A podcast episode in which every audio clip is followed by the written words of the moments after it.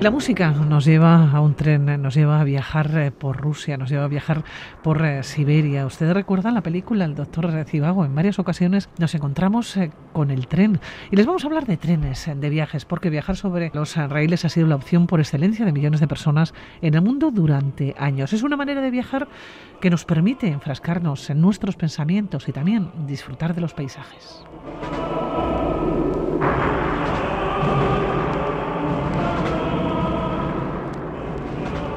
Xavier Bañuelos, ha sido una opción eh, que tú has seleccionado, que tú has elegido en numerosas ocasiones, ¿no? ¿Cómo estás? Sí, sí, lo he elegido porque a mí me encanta viajar en tren. Creo que es una de las formas de viajar más bonitas, más disfrutonas y bueno, en, en las que se puede conocer mucho, mucho más de los lugares en los que, visitas. ¿no? Claro, yo decía al comienzo, Xavier, que es una manera de viajar, es una opción que nos permite enfrescarnos con nuestros propios pensamientos y que además eh, disfrutamos de los paisajes, ¿no? O sea, vamos viendo como es como otra manera, ¿no? De, vivir una, una aventura, ¿no? O vivir unas vacaciones, por ejemplo.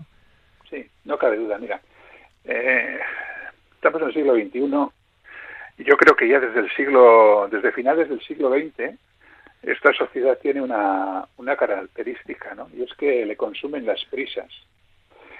Están, parece que tenemos que, sobre, hablo sobre todo de Occidente, ¿eh? igual en otros lugares del planeta, como puede ser África o algunos lugares de América Latina, o en algunas culturas ¿no? de, de, estos, de estos continentes, incluso de Asia, las cosas van un poco más, más reposadas. Pero lo cierto es que en nuestro mundo occidental y todo su área de influencia, desde la revolución industrial de, del final del siglo XIX parece que, vivimos todo el rato con el reloj, eh, más que con un reloj, casi con un cronómetro en, en la mano. ¿no?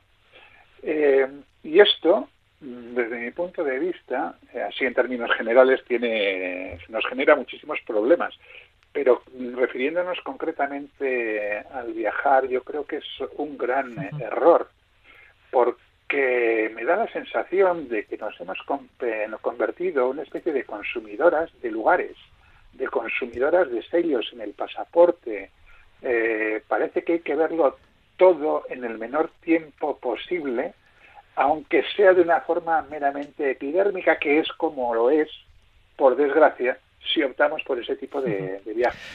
Probablemente, esta, forma, esta forma de viajar, perdona, es que está reñido está reñida desde mi punto de vista con, conocer, con degustar, con el placer de sentarse a observar, a charlar con aquellas gentes que con las que te encuentras, que pueden ser de lugar, pueden ser otras personas que viajan como tú, en fin, quiero decir que, que hay que recuperar ese viajar despacio, ¿no?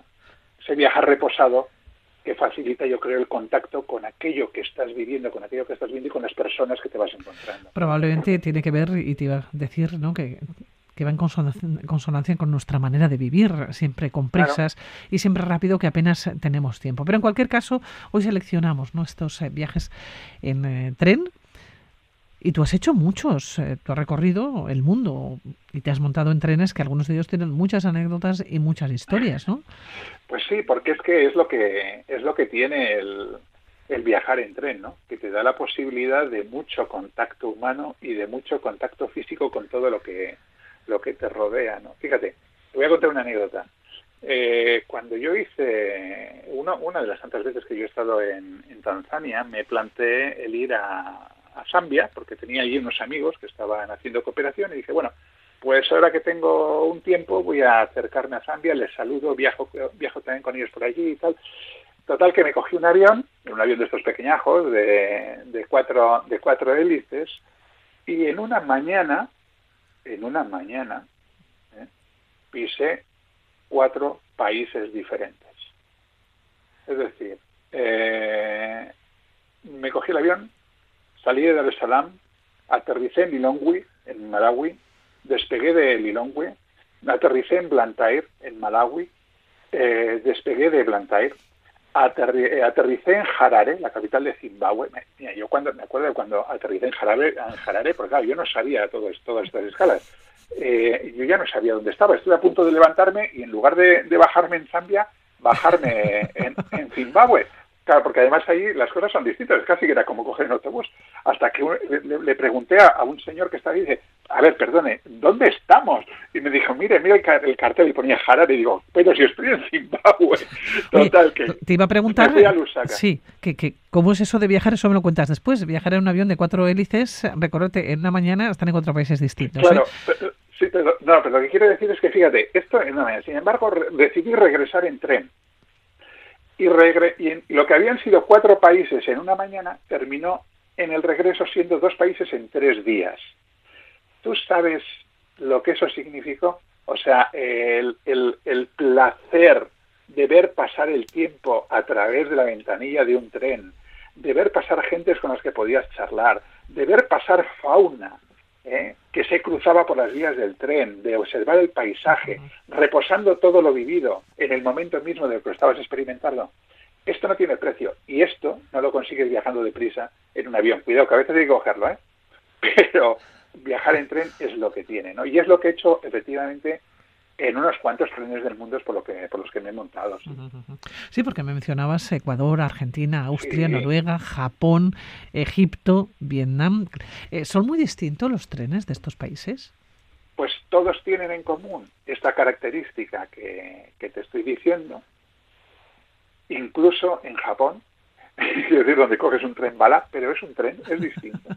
¿no? Entonces, todos, todos comparten esta característica del viajar más tranquilo y reposado pero sí, no tiene nada que ver viajar, o sea, no tiene nada que ver recorrer el, eh, el Japón, por ejemplo, en tren, que hacer Egipto o irte a Vietnam o viajar por África. No, la experiencia es radicalmente diferente, pero porque tiene que ver mucho con las culturas donde ese tren eh, está, ¿no? De las culturas que ese tren atraviesa. Entonces, lógicamente, el cómo cada cultura eh, toma la forma de viajar y la forma de viajar en tren es radicalmente diferente, ¿no? y luego también están los paisajes y, las eh, bueno pues las orografías que se tienen que salvar porque no es lo mismo hacer no sé el tren de las nubes en Salta que es un auténtico galimatías orográfico y una montaña rusa increíble a viajar en un tren bala bueno, sin lugar a ninguna duda, tiene que haber muchas diferencias. Pero bueno, yo te voy a ir preguntando por varios países, ¿no? A ver, ¿qué es lo que tú recuerdas? Eh, ¿Cuáles son las anécdotas? Pero también ese paisaje, ¿no? En Ecuador.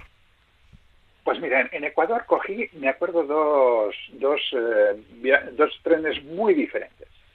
Que es el que hace eh, el trazado ferroviario que hay entre Riobamba y Guayaquil, es decir, Riobamba, que está en los, en los, los Andes, ¿no? en, la sierra, y que baja hasta la costa, ¿no? hasta Guayaquil, hasta la costa del, del Pacífico. Yo no hice todo el recorrido, yo cogí el tren en Alausí y, fuimos hasta Huigra, porque nuestra intención era hacer lo que llaman la garganta del diablo. Mira, eh, llegamos a, la, a a las 4 de la mañana después de un viaje también infernal por, por las carreteras de, de los Andes se suponía que teníamos que salir a las 10 de la mañana, a las 4 de estábamos ya en la estación. A eso de las 6 aparece un paisano y le preguntamos, ¿tardará mucho en venir el tren? Eh, miró al cielo tranquilamente y nos dijo, ahora, ahora titita no más. Bueno, pues la hora titita no más eh, fueron como seis horas, porque no apareció el tren, creo que fue hasta las doce y media un tren que era como una culebra que parecía el tren de Pancho Villa porque iba repleto de gente dentro de los vagones y iba repleto de gente todo, todo el techo. Entonces, claro, nosotros qué íbamos a hacer, estaba todo lleno arriba, nos fuimos al techo. Aquel tren que hace la garganta del diablo, que es una bajada espeluznante por una ladera de, por la ladera de las, de las montañas, de los, o sea, no tiene prácticamente espacio para, para maniobrar, con lo cual tiene que ir haciendo zigzags por el monte pues descarrilamos dos veces. Eh, bien, es verdad que afortunadamente fueron descarrilamientos, descarrilamientos tranquilos. Bueno, pero tú ibas en el techo, ¿eh? Sí, yo iba en el techo, pero iba en el techo con otras 300 personas. Es decir, que, que vamos, que aquí era muy normal. Y con vendedores que iban y venían vendiéndote eh, dulces, pepinos, de, todo, ¿no? Para, para comer. Y en claro, todo eso en medio de un paisaje absolutamente espectacular. Bueno, pues esto no tenía nada que ver con el otro viaje que hicimos, que fue el ferrobús Ibarra-San Lorenzo, es decir, que unía también en este caso la zona de la cordillera, en Ibarra, con un pueblito que está en la costa de Esmeraldas, ¿no? que está Esmeralda es una provincia prácticamente poblada de, gente negra, porque son descendientes de, antiguos esclavos, y este, este, este pueblo, San Lorenzo, en aquellas épocas solamente estaba unido por este ferrobús, no había carreteras, solamente estaba unido por este ferrobús y luego podías ir por mar. Nosotros fuimos por mar en un cayuco, ¿eh? Partiendo de la, de la, capital de Esmeraldas, nos fuimos a Limones, de allí llegamos a San Lorenzo, y luego, eh, o sea, y además es todo un delta, ¿eh? es, un, es, un, delta enorme donde muere la selva de, de, Esmeraldas.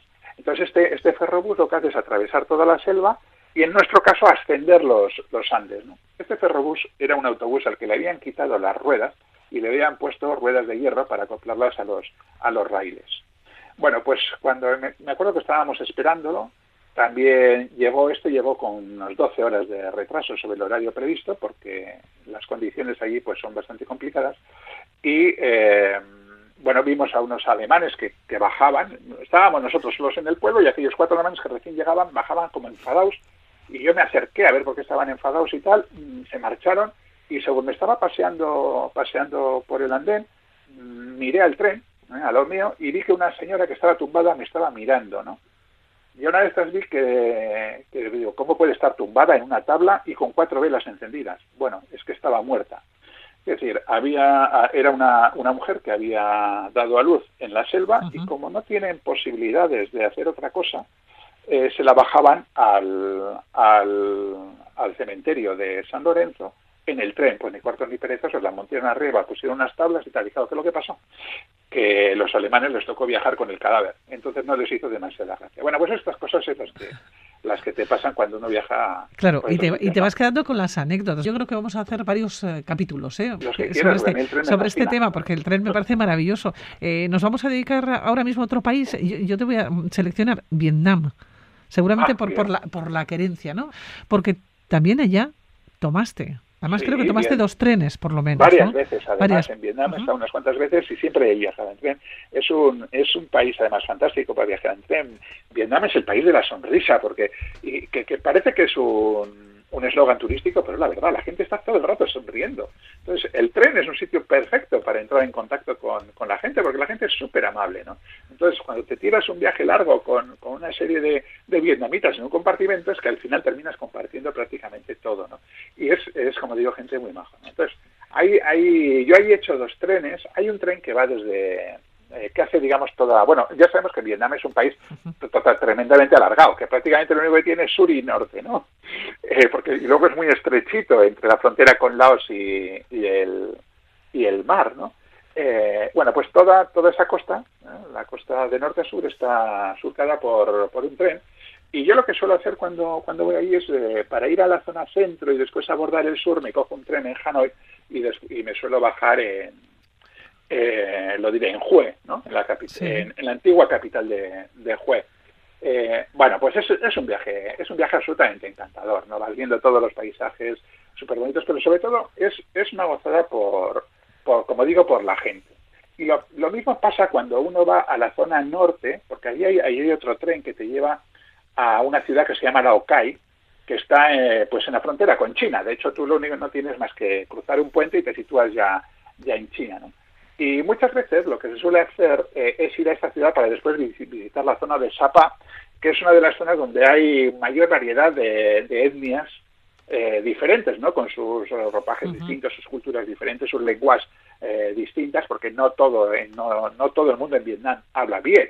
Que en Vietnam se hablan cerca de 50 lenguas diferentes, ¿no? Es por comunidades muy pequeñas que están en, en el monte. Bueno, pues esta zona de Sapa es una de ellas y se puede llegar hasta Lao Cai en tren y es otra vez lo mismo, ¿no? Es otra vez lo mismo. Es de nuevo una, una especie de, de comunión con la gente de, de allí, ¿no? Pero aquí, eh, aquí eh, no se contrastes con él ahorita no más.